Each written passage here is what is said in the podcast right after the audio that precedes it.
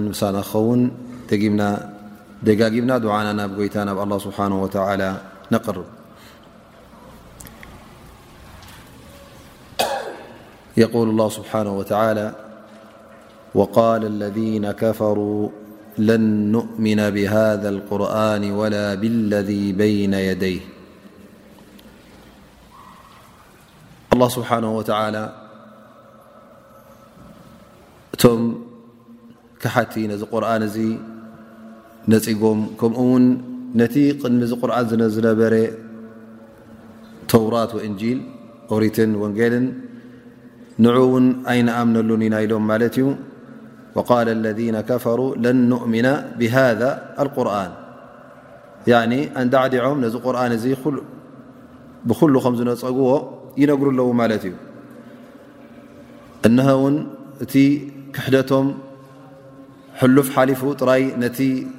ናይ ኣላ ስብሓን ወተላ ቁርን ነቢና ሙሓመድ ለ ላ ሰለም ሒዞሞ ዝመፁ ንዕኡ ጥራይ ነፂጎም ዘይኮነ በልቃሉ ወላ ብለذ በይነ የደይ ኣይ ብለذ ሰበቀ በቲ ቅድሚኡ ዝነበረ እውን ናይ ኣላ ስብሓን ወተላ ኣያታት ብኡ ናይ ንኣምንን ኢና እዮም ዝብሉ ዘለዉ ማለት እዩ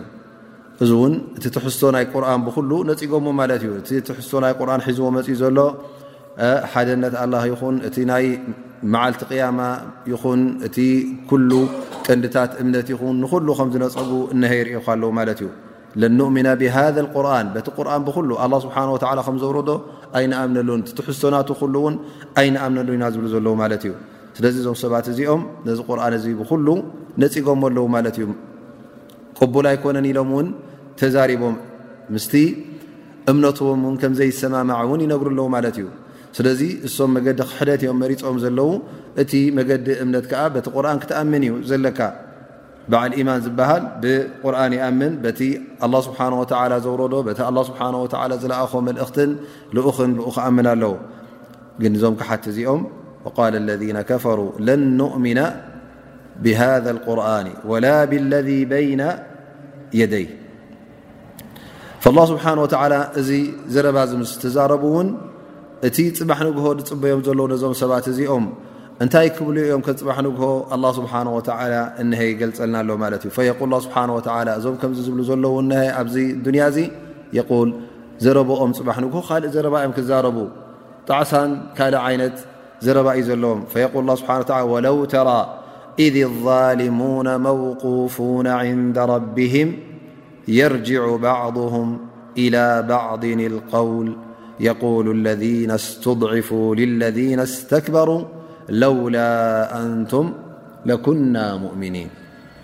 ፅባሕ ንግሆ ኣብ ቅድሚ ኣላ ስብሓን ወተላ ኣብቲ ናይ ሒሳብ ቦታ ኣብኡ ምስ ተተሓዙ ኣብኡ ከዓ ኣብ ቅድሚ ኣላ ስብሓን ወተላ ደው ምስ በሉ ሽዑ ነንሕድሕዶም ክዘራረቡ እዮም ማለት እዞም ክሓት እዚኦም ኣዞም ኣብ ኣዱንያ እዚኦም ክሒዶም ዘለዉ ክሕደት መሪፆም ዘለዉ እሞ ኣንዳዕዲዖም ከምዚ ገይሮም ነዚ ቁርን እዚ ኣይንኣምነሉን ኢና እዚ ቁርን እዚ ትሕዝቶናቱ ይኹን ሒዝዎ ዝመፀ ይኹን ኩሉ ኣይንኣምነሉ ኢና ዝብሉ ዘለዉ ፅባሕ ንግሆ ምኽኒት ከቕርቡ ክጅምሩ እዮም ከምዛ ነዛ ቁርን ዘይሰምዕዋን ከምዛ እተቐሸሹ ወይ ከዓ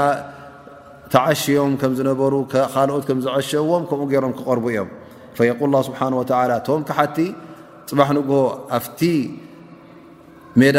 ናይ ሕሳብ ምስ ቀረቡ እሞ ከዓ መውፅኢ ከም ዘይብሎም ምስ ፈለጡ ዮም ልቅያማ ብዓይኖም ምስ ረኣይዋ ሕጂ ነንሕዶም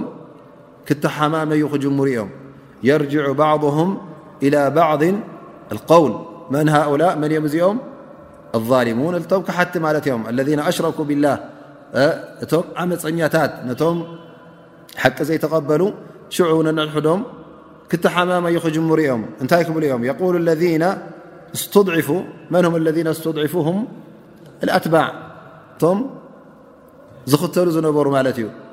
ን እዛ ዱንያ እዚኣ እንተረኣናያ ኩላህና ብስልጣን ይኹን ብሃብቲ ይኹን ብጥዕና ይኹን ብካልእ ነገራት ኩና ሓደ ኣይኮናን ስለዚ ኣለዉ ኩሉ ግዜ ኣብ መሪሕነት ትረኽቦም ማለት እዩ ወይ ስልጣን ስለ ዘለዎም ወይ ከዓ ናይ ሓይሊ ስለ ዘለዎም ሓይሊ ብረት ወይ ከዓ ትፈትዎ ትኸውን ንስኻ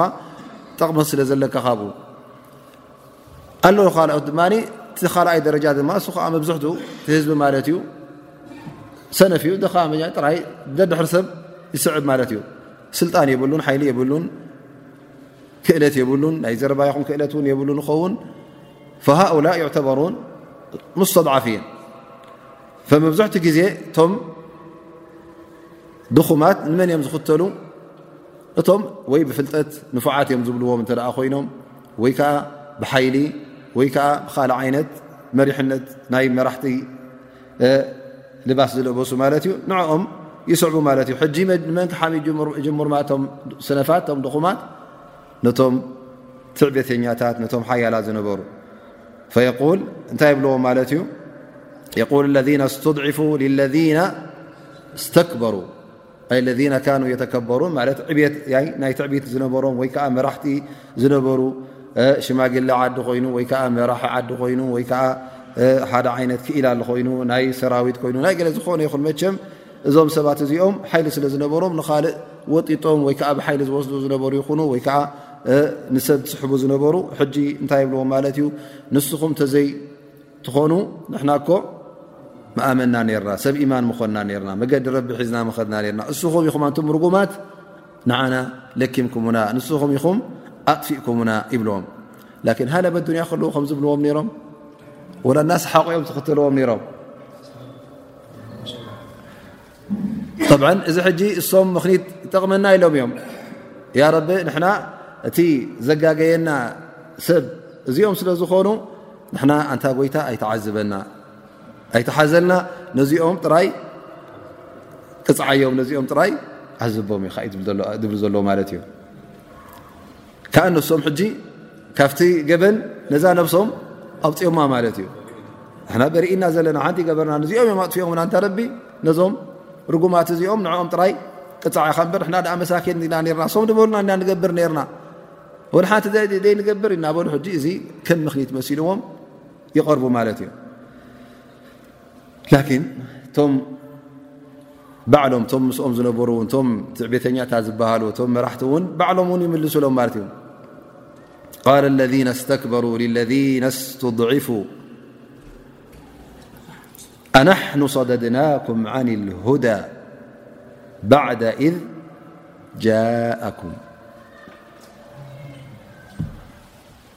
እስኹም ሕጂ ናባና ተልግቡልና ዘለኹም እስኹም ተዘይትኾኑ ኣይምጠፋእና ነርና እስኹም ኹም ኣጥፊእኩምና ትብሉና ኣለኹም ግን ንሕና እንታይ ገርናኩም ንሕና ዲና ከልኪልናኩም ንሕና ዲና ካብ መንገዲ ኣጥፊእናኩም እቲ ሓቂ እኮ መፂኩም እዩ ጃእኩም ሁዳ እቲ መርትዖን ሓቂ ንገርዎ ነርኩም ንሕና ብግዴና እተ ንዓኹም ዝገበርናዮ ነገር ኣሎ ኮይኑ ማህዋ ኢላ ኣንዳዓውናኩም ና ምሳና ኮኑ ንዑ ኢልናኩም መፅእኩም በረ ና ዘገደድናኩም መኣስ ኮ ዓስ ና ገዲድናኩም ኣላ ስብሓን ወተላ ናይ ምርጫ ክእለት ሂቡኩም እምብክትብሉ ትኽእሉ ነርኩም ተገዲድኩም ወይ ከዓ ገዲድናኩም ተንኸውን ተዘይኣም ክንቀትለኩም ኢና ልናኩም ርና ወይ ቀትልናኩም ተንኸውን እዚ ካልእ ነገር እዩ ነይሩ ላኪን ሕጂ እስኹም ንገዛ ርእስኹም ነቲ ጉዳይ ንክትቀበልዎ ናይቲ እምነት ንክትቀበሉ ድልውነት ኣይነበረኩምን ንሕና ንዑ በዚ ምስ በልናኩም ደድሕረና መፅእኩም ነቲ መርትዖ ዝወሃብ ዝነበረ ነቲ ተኣምር ዝረአ ዝነበረ እቶም ልኡኻን መፅኦም ክገልፅልኩም እንከለዉ ምስቲ ዊንታኹም ምስ ናትኩም ስምዒት ስለ ዘይተቃደወ ላኪን እቲ ንሕና ዝበልናኩም ከዓ ምስቲ ስምዒትኩም ደስ ስለ ዝበለኩም ደስታ ናይ ነፍስኹም ንኸተማልኡ ኢልኩም ኢኹም መፂእኩም እምበር ንዓና ፈትኹም መዓስ ኮይንኩም ቃሉ ም በል ኩንቱም ሙጅሪሚን ንስኹም ኢኹም ኣንቱም ሰባት ገበኛታት ነርኩም መዓስ ንሕና ኮይንና ገበነኛታት ይብልዎም ማለት እዩ ፈይዘን እቲ ሓላፍነት ናይ ኢማን መን እዩ ዝስከሞ ባዕልካ ኢካ ትስከሞ እከለ ጥፊኡኒ እከለ እዩ መሪሑኒ እከለ እዩ ጋጊኒ ኢልካ ፅባሕ ንግሆ ኣይክጠቕመካን ኣን ላ ስብሓን ወተላ ቃል ሃደይናሁም ነጅደይን ኣየና እቲ መንገዲ ሓቂን መገዲ ጥፍኣትን ኣላ ስብሓን ወተላ ኣእምሮ ሂሙካ እዩ ከምኡ ጌርካ ከም እትመርፅ ኣኑ እዚ እዩ ናይ ወዲ ሰብ ትፍላይነት ካብ እንስሳ እንስሳ ኣ ስብሓ ወ ኣእምሮ ይሃባን ላን ወዲ ሰብ ኣ ስብሓ ወ እቲ ኣማና ከሰክሞ ከሎ ነዚ ኣማና እዚ ነዚ ዲን እዚ ዝስከመሉን ዝፈልጠሉን ሓቂን ጌጋን ዝመምየሉን ዓቕሊ ኣ ስብሓ ወ ሂብዎ እዩ ስለዚ እቲ ሓላፍነት ንስኻ እኻ ትስከሞ ሸይጣን ከጋግየካ እተ ኮይኑ ወስዋስ እዚ ባሸካ ዚ ባሸካ እናበለ እዩ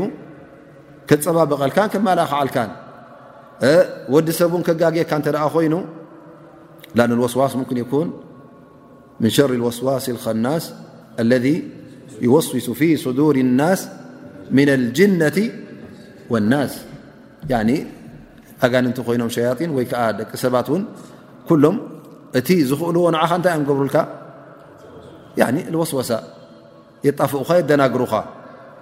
ላኪን እስኻ እምቢ ክትብል ትኽእል ኢኻ ሕራይ እውን ክትብል እዚ ናይ መን ምርጫ እዩ ናትካ ምርጫ እዩ ስለዚ እስኻ ትሕተት ኢኻ እንተ ሕራይ ኢልካዮ ንዕኦም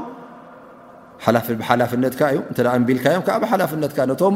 ልኡኻን ኣላ ስብሓን ወላ ዝለኣኽ ዘለዎ ነቶም ሩሱል እውን እምቢ እንተ ኢልካዮም ሓላፍነት ናይ መን እዩ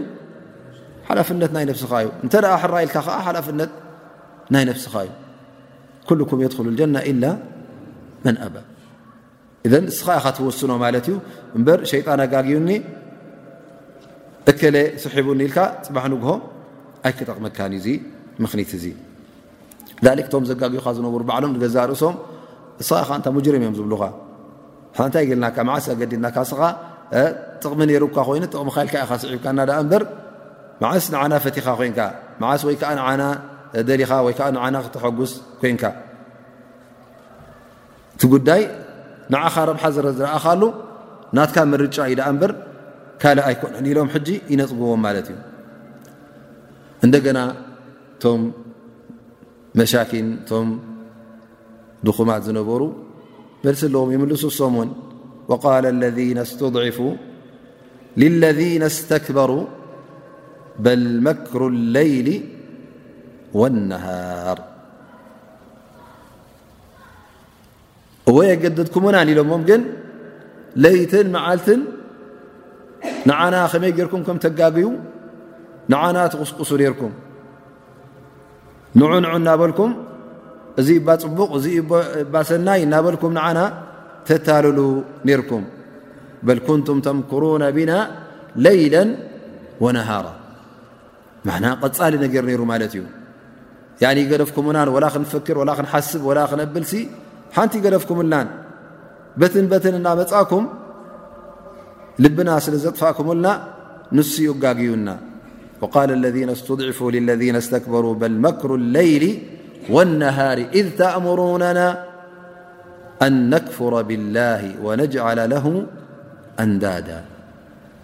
ንስኹም ኢኹም ኣጋጊኹሙና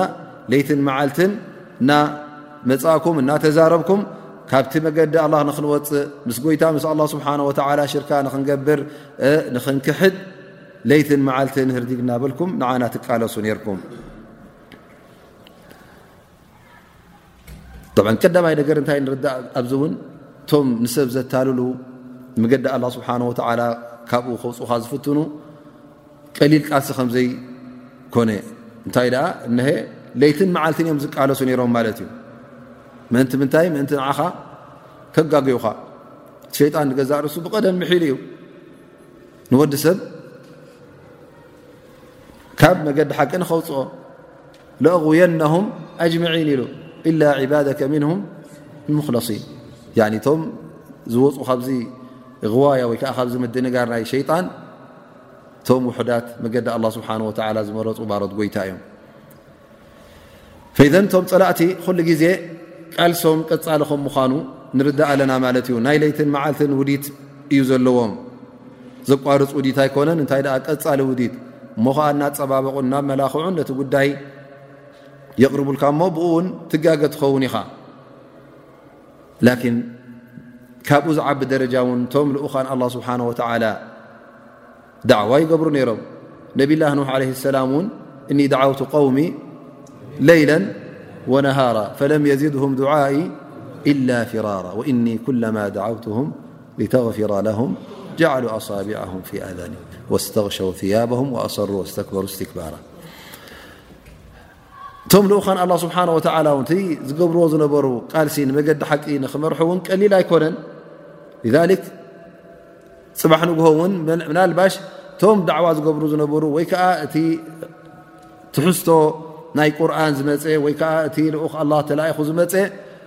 ከም ግቡእ ዝግባእ ስራሕ ኣይሰራሐን ወይ ከዓ ከም ዝግባእ ነቲ ጉዳይ ጎስጓስ ኣይገበረሉን ዳዕዋ ኣይገበረሉን ኢልካ እውን ንኸይ ትካታዕ ምኽኒት ንኸይኮነካ እውን ኣላ ስብሓን ወተዓላ እቶም ልኡኻን በለቑ ሪሳላ ካሚለተን እታ መልእኽቶም ለይትን መዓልት እናተቓለሱ ሲራ ናይ ነቢና ሓመድ ስ ሰለም እተ ርእናዮ እነቢ ለ ላ ለ ወሰለም ምእንቲ ዝዳዕዋ እዚ ምእንቲ ነዚ ናይ ኣላ ስብሓን ወተላ መልእኽቲ ንምብፃሕ ተሃሪሞም ተፀሪፎም ደሞም ፈሲሱ ንዕኦም ይኹን ንቤተሰቦም ዘናውሽን ዘናእስን ዘካፍእን ሰሚዖም እዚ ዘይበሃል ኣንፃሮም ተገይሩ እዚ ኩሉ ግን ነቢ ስለ ላ ለ ሰለም እንታይ ገብሩ ነይሮም ማለት እዩ ጸሮሞ ሰኪሞሞ ብትዕግስቲ ነቲ ዳዕዋ ናብ ሓቁ ንምብፃሕ ይቃለሱ ነሮም ማለት እዩ እቲ ገዲፎምልና ዘለዉ ነቢና ሓመድ ص ሰለ ን እቲ ቁርን ሕጂ ከምኡ ንሱና ናይ ነቢና ሓመድ صለ ላه ለ ሰለም እንተ ብሓቂ ቀሪእካዮን እተ ብሓቂ ብልብኻ እንተ ተረዲእካዮ ካብ ኩሉ ናይ ፀላእቲ ሓቂ ዝገብርዎ ዘለዉ ዕንቅፋታት ካብኡ ዝያዳ ንዕኡ ዘስግረካን ወይ ከዓ ንኡ ዝሰግርን ካብኡ ዝሕይልን ነቲ ትሒዝዎ መፅ ዘሎ መርትዖታት ፈፂሙ ዝኾነ ይኹን ኣንፃር እዚ እስልምና እዚ ዝዝረብ ከምዘይዓግቶ እዩ ዘብርሃልና ማለት እዩ ሊኣኑ እዚ ቁርን እዚ እኹል ነይሩ ተዘይከውን ኣላ ስብሓን ወተላ ናይ ነቢና ሙሓመድ ለ ላ ሰለም ናይ መጨረሻ መልእኽቲ እውን ኣይምገበራን ነይሩ ላኪን ኣላ ስብሓን ወተላ ይዕለም ብድሕሪ ነቢና ሙሓመድ ለ ላ ሰለም ካልእ ከምቲ ቅድሚ ሕጂ ዝለኣኽ ዝነበረ ልኡኻን ኣየድልን እዩ እዚ ቁርን እዚ ንገዛ ርእሱ ተላኢኹ ዘሎ ወይ ከዓ ተሪፉ ዘሎ ቀዳማይ ነገር ኣላ ስብሓን ወተላ እና ናሕኑ ነዘልና ዚክራ ወእና ለሁ ለሓፊظን ኢሉ ሕሉው ገይርዎ ማለት እዩ ሕሉው ስለ ዝኾነ ውን ክሳዕ ሎሚ እነሀ ክቕፅል እዩ ቐፂሉ ኣሎ ብድሕሪ ሕጂ እውን ክቕፅል እዩ እቲ ሒዝዎ ዘሎ መርትዖ እውን ቀፃሊ ማለት እዩ ጥራይ ኣብ ግዜ ነቢና ሙሓመድ ለ ላ ለ ሰለም ኣይኮነን ወይ ከዓ ብድሕሪኦም 2 ዓመት ጥራይ ዝፀንሕ ኣይኮነን እንታይ ደኣ ቀፃሊ ንገዛ ርእሱ እቲ ተኣምር ነቢ ለ ላ ሰለም ሒዘሞ ዝመፁ እዚ ቁርን እዚ ስለ ዝኾነ እዚ ተኣምር እዚ በቲ ሒዝዎ ዘሎ ጭብጥታትን ሒዝዎ ዘሎ መርትዖታትን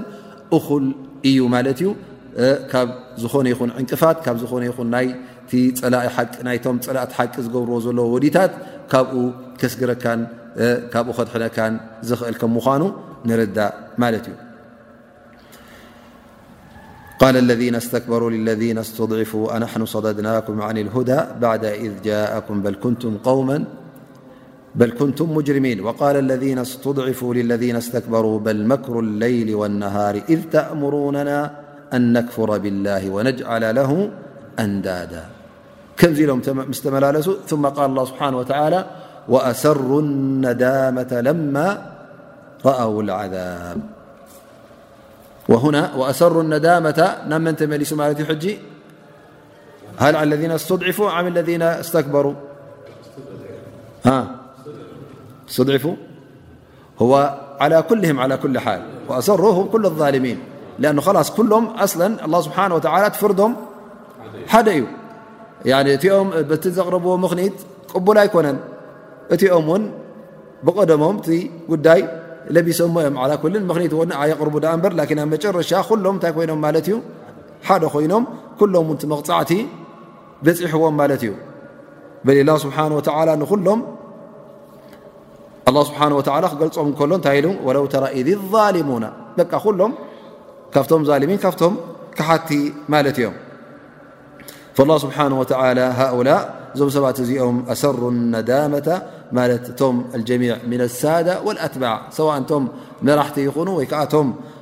ሰዓብቲ ይኹኑ ኩሎም እቲ ጉዳይ እቲ መቕፃዕቲ ክወርዶም ከም ምዃኑ ምስ ረኣዩ እቲ ጣዕሳ ውን ኣብ ልቦም ወሪድዎም ማለት እዩ እዚ ጣዕሳ ውን ዝጠቅም ጣዕሳ ኣይኮነን ምክንያቱ ኣብ ዮም ኣልቅያማ እንተ ተጣዒስካ እዚ ጣዕሳ እዚ ሓንቲ ጥቕሚ የብሉን ክገላግለካ ይክእልን እዩ ካብቲ ፍርድኻ ምክንያቱ እቲ ግዜ ጣዕሳ ሓሊፉ እዩ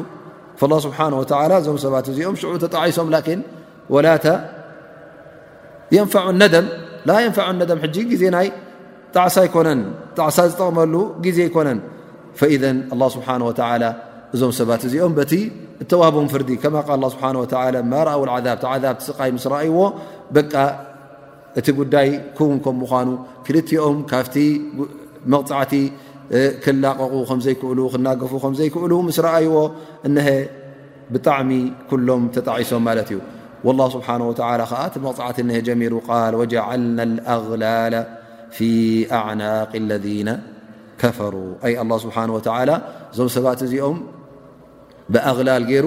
ኣሲርዎም ማለት እዩ ኣላል ቃሉ ዋ ረብጥ ኢትካ ምስ ክሳትካ ክትእሰር ከለኻ እዚ እንታይ ይስመ ማለት እዩ ኣላል ወይ መቑሕ ማለት እዩ ብትግርኛ ላ ስብሓን ወ ይበይን ሃላ ኣ ስብሓ ወ ሓደ ካብቲ መቕፃዕቲ እውን ዝወረዶም ኣብቲ እሳተ ጀሃንም እዞም ሰባት እዚኦም እእዳዎም ምስ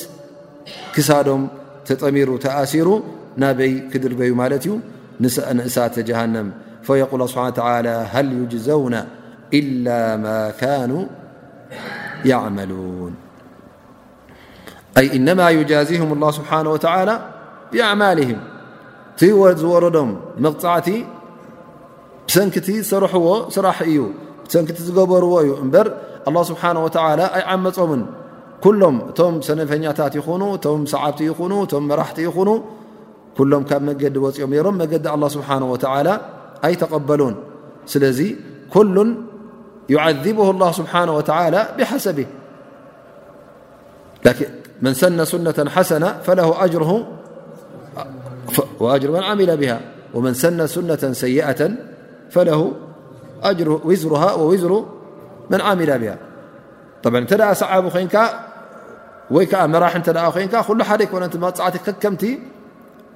ዘንብኻ ከከምቲ ገበንካ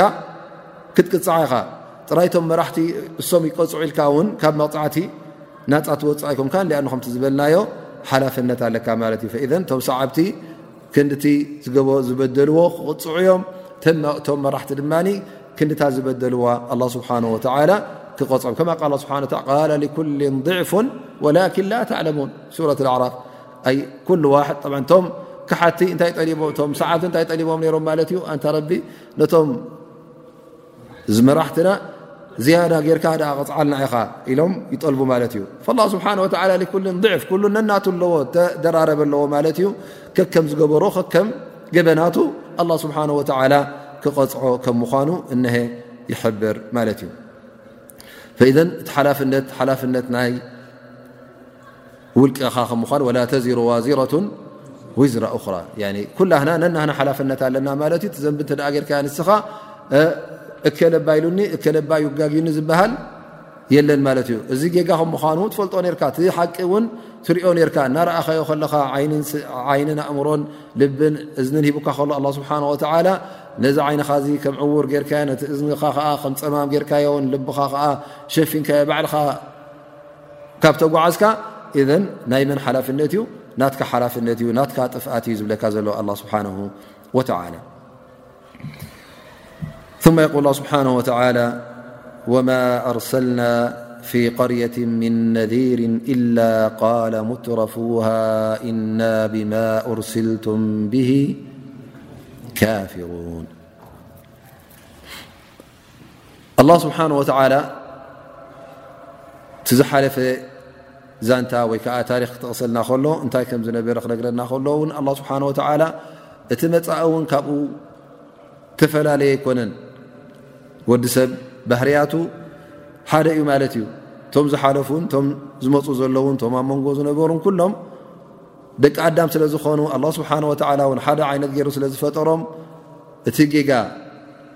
እናተደጋገመ ስለ ዝኸይድ ኣላ ስብሓን ወተዓላ ናይቶም ዝሓለፉ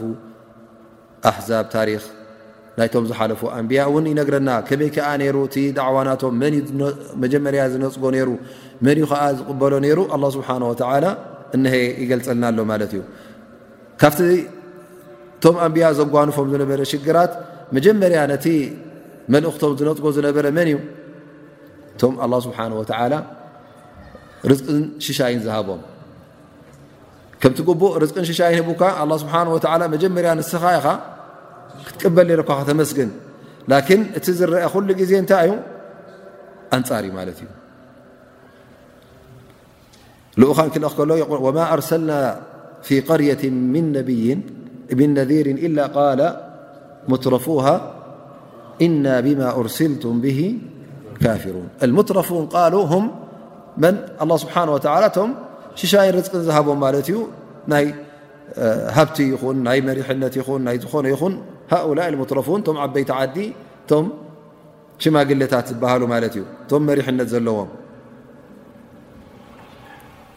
ኣማ ለذነ የተበዑነ ኣንብያ እቶም ደድሕሪ ኣንብያ ዝኸዱ መጀመርያ ዝቕበሉ መን እዮም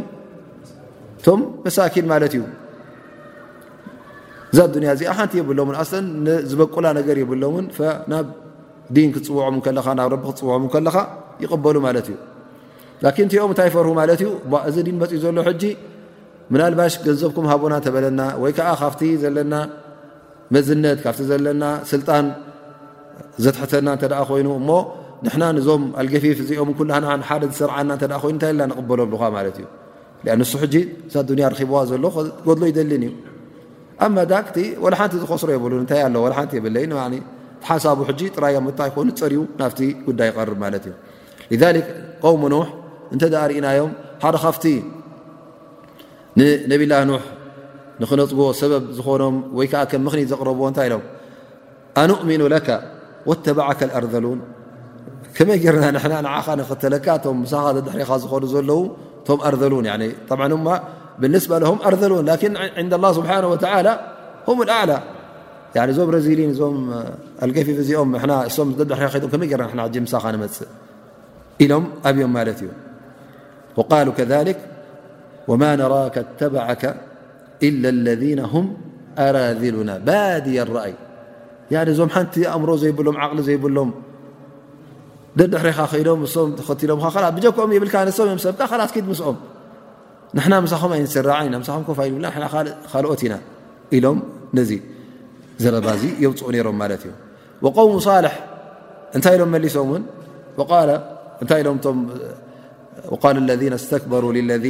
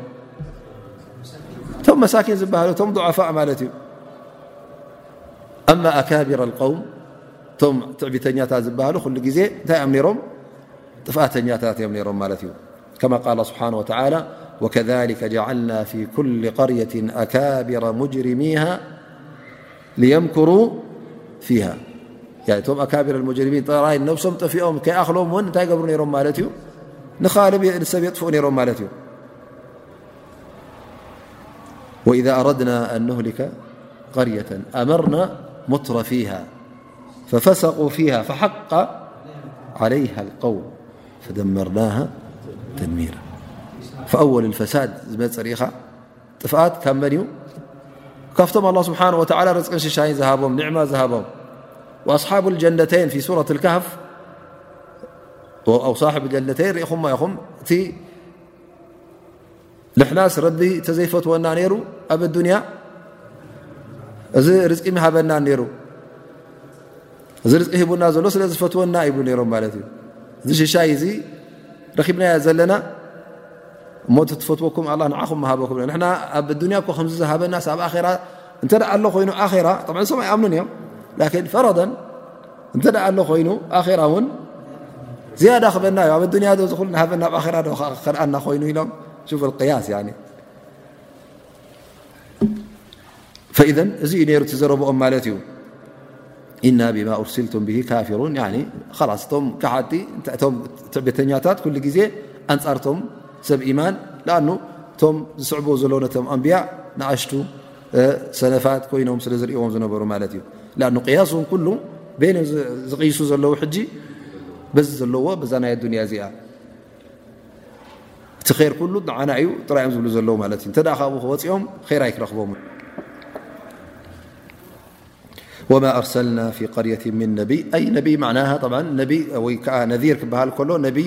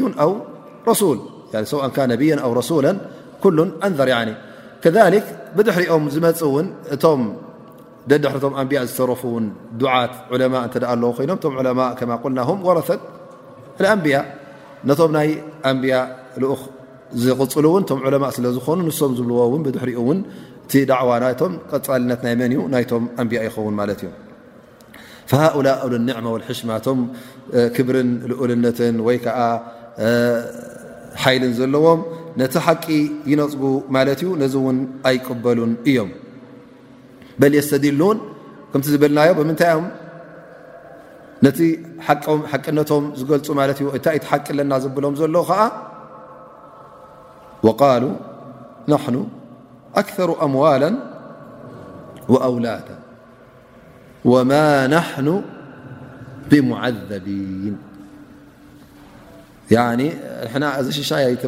ተነዒምና ነብር ዘለና ኣብ ዱንያ እኳ ኣብ ኣራ ብዝያዳ እንታይ ክንከውን ኢና ብዝያዳ ክንነዓም ኢና እዚ ኩሉ ውላድን እዚ ሉ ሽሻይን እዚ ሉ ርዝቅን ረኪብና እዚ ንገዛ ርእሱ እንታይ እዩ ዝብሉ ዘሎ ማለት እዩ ምልክት ናይ ምንታይ እዩ ናይ ኣላ ስብሓን ወላ ከም ዝፈተወና ኣንታ ዝኻ ጎይታ ፈትወካ ሩ ዝኸውን ሃፍተመካ ሩ ብለኻ እንታይ ትብሎም ሕጂ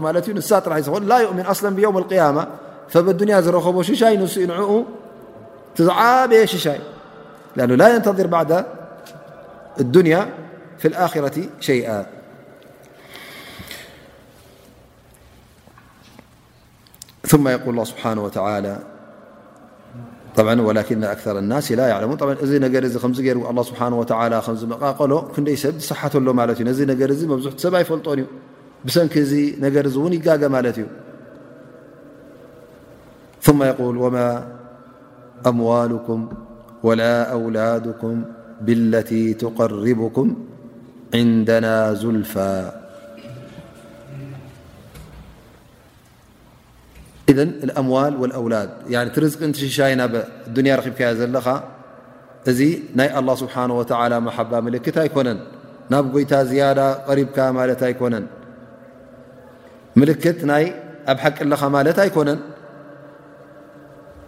ስለዚ እቲ ምልክት ግን ኣየ ናይ ክኸውን ኣለዎ ማለት እዩ እቲ ስራሕካን ተግባርካን እዩ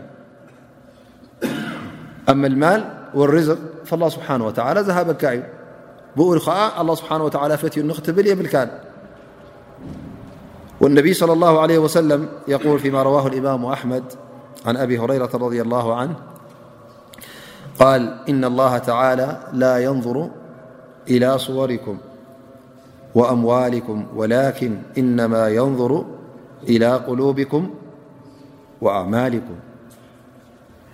እቲ ኣላ ስብሓን ወተላ ዝርኦ ካባኻ እቲ ካባኻ ዝፅበዮ እቲ ኣላ ስብሓን ወተላ ፅባሕ ንግሆ ዓስብን ሰናይን ዝእክበልካ ተግባራትካ ትገብሮ ዘለኻ እዩ እምበረይ ናይ መልክዕካን ናይ ሃብትኻን ናይ ውላድካን እዚ ኩሉ ናይ ሓንቲ ዓይነት ምልክት ኣይኮነን ስለዚ ተግባርካ እተ ቀኒዑ ተግባርካ እተ ተመዓራርዩ ኣላ ስብሓን ወተላ በቲ ተግባርካ ክፈትወካ እዩ ምልክት ፍትት ኣላ ኣበይ ከም ዘሎ ክትፈልጥ እተ ደሊኻ ኣብቲ ተግባርካ ረአኽ ማለት እዩ ወዲ ሰብ ኣላ ስብሓን ወተላ ዝፈትዎ ኩሉ ግዜ ኣብ ር ክውዕል እዩ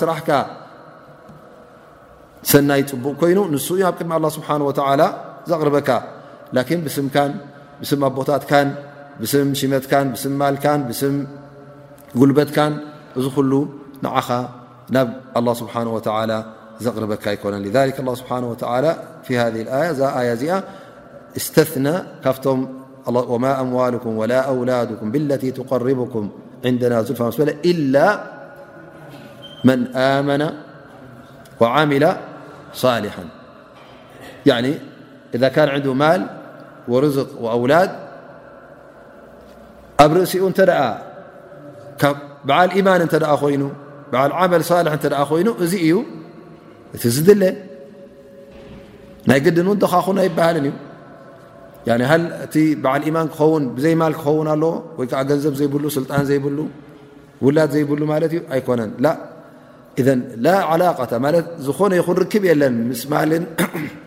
ምስ ውላድን ምስ ካልእ ዓይነት ክብሪ ናይ ኣዱንያን ሽሻያትን ምስቲ ዓመል ሳልሕን እዚ በበይኑ እዩ ማለት እዩ እቲ ክርከብ እንከሎ እቲ ኢማን ዓመል ሳልሕ ክርከብ እንከሎ ንሱ እዩ ትቐንዲ ብድሕሪኡ ቲ ማልቲ ገንዘብ ተረኺቡ ፅቡቕ እቲ ሽሻያት በዚሑ ፅቡቕ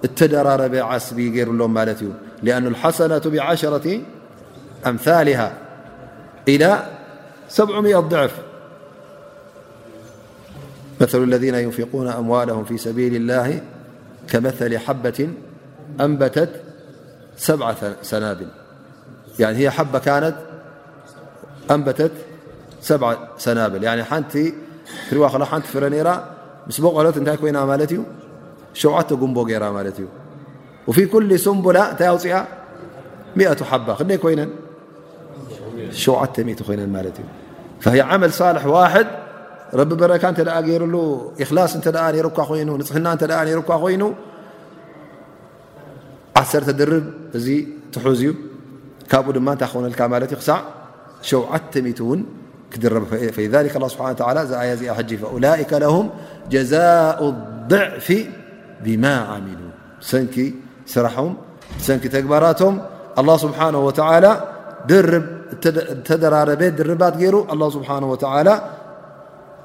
ዓስቦም ክህቦም እዩ ወሁም ፊ ልغሩፋት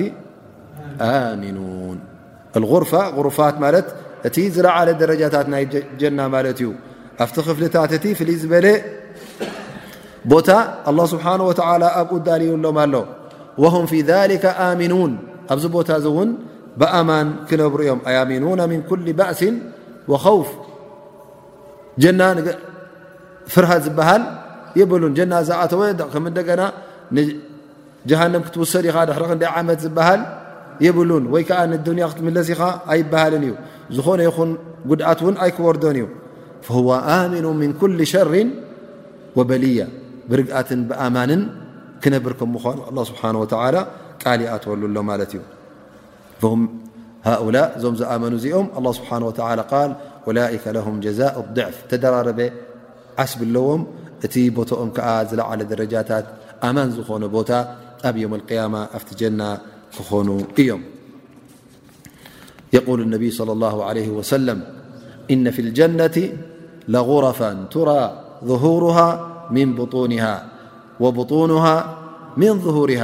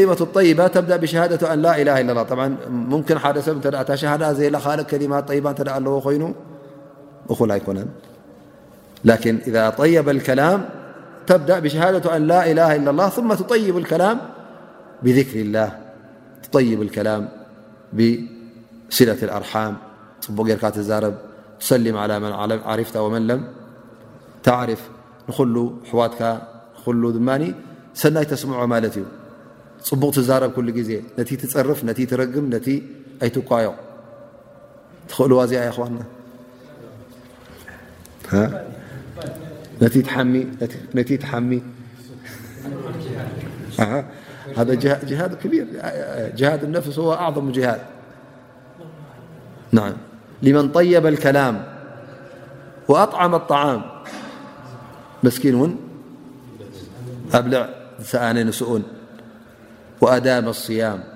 لتنسبنل س سن تطمي مالت لله سبحانه وتعالى وصلى بالليل والناس نيام ألا إن سلعة الله غالية لكنها كذلك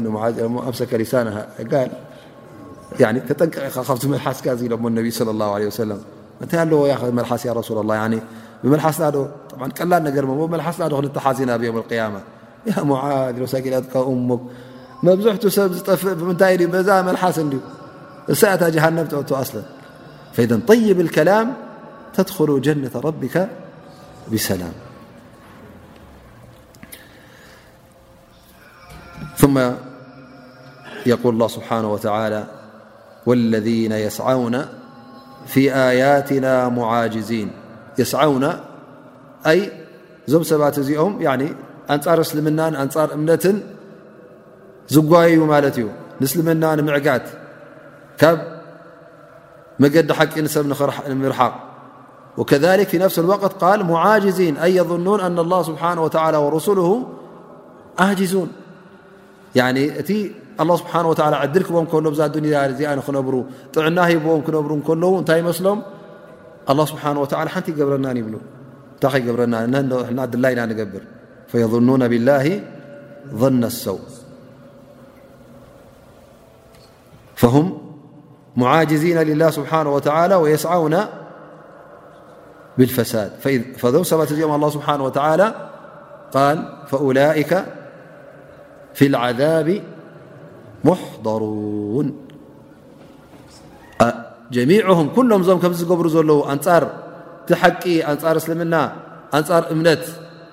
ጎስጓስ እናገበሩ ኣንፃሩ ዝቃለሱ ዘለዉ ካብ ሓቂ ንሰብ ዝዓግቱ ዘለዉ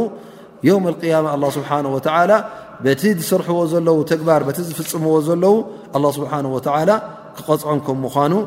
የርእየና ኣሎ ማለት እዩ እዞም ሰባት እዚኦም ዝገብርዎ ዘለዉ ዓበ ገበን እዩ ኣ ስብሓ ወላ ዘይራኽበሎም ይመስሎም ኣሎ ላን ኣ ስብሓ ወ ቃል ፊ ዓዛብ ሙሕضሩን ከራኽበሎም እዩ ከምፅኦም እዩ ካብኡ ክወፁ ይክእሉን እዮም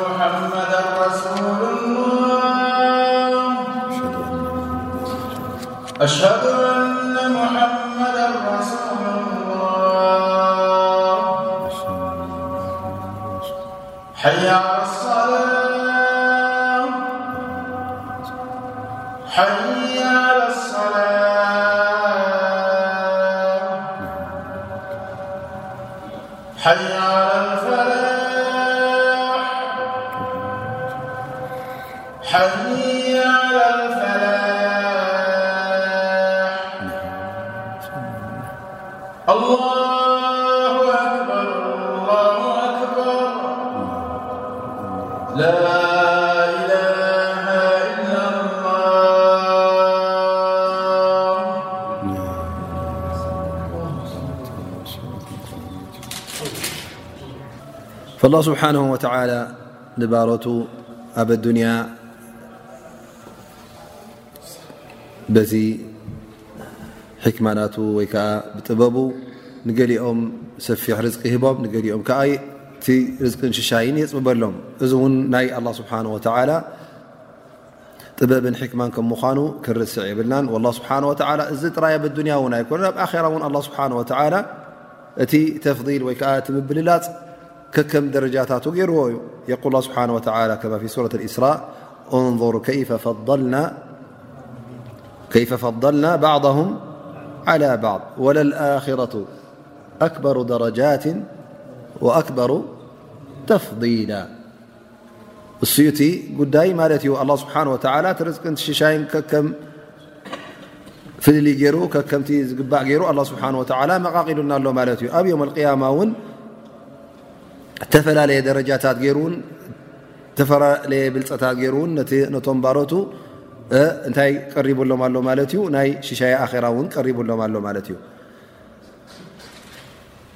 ላኪን እቲ ርዝቂ ኣላ ስብሓን ወተላ ክበካ ከሎ እንታይ ክትገብር ኣለካ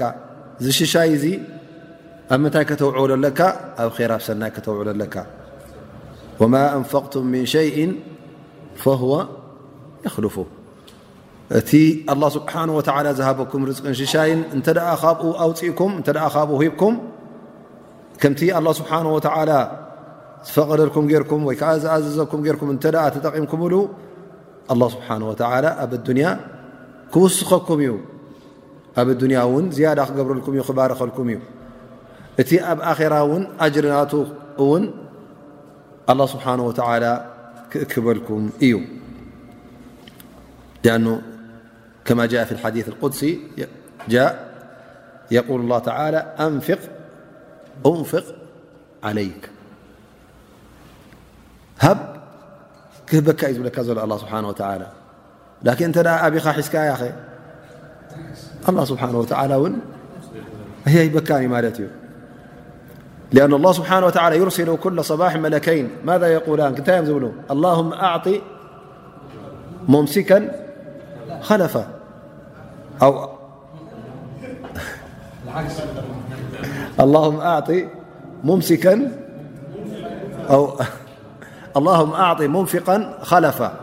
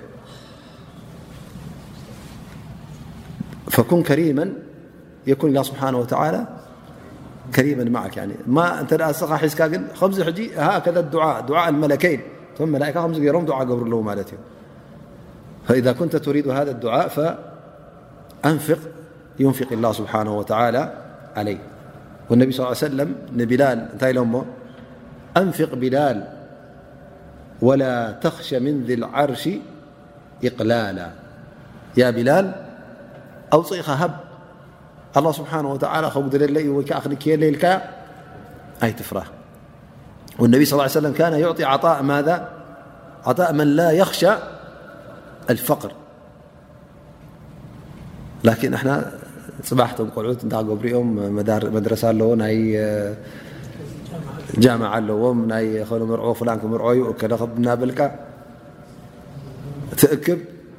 ረቡን ኣይእክበንን እዩ ገዲፍካዮ ትኸይድ ኣይእከባን እየ ንሰን ከማ በዚ ገለ መፅኡ በዚ ገለ ሙሲባ መፅኡ ይወስደን ማለት እዩ እምበር ከምቲ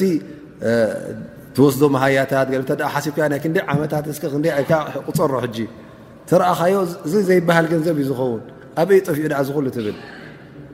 ናብ ንበረካ ስኢኑ ማለት እዩ እበረይቲ ገንዘብ ምናልባሽ መፅ ነይሩ ከዘይበሃል ገንዘብ መፅኡካ ይኸውን ላኪን በረካ ስለ ዘይብሉ በዝን በዝን ሙሲባ እናመፀ ገለ መዓት እናመፀ በዚ እናወፀ እናኸደ ኩሉ እተ ኣማ ን ኩንተ ትዕጢ ላ ላ ተውፅእ እተ ኮይንካ ላ ስብሓን ወተላ ይባርኸልካ ማለት እዩ ስብሓ ወላ እዛ ኣያ እዚኣ እውን እተርእና ኣክር ኣያ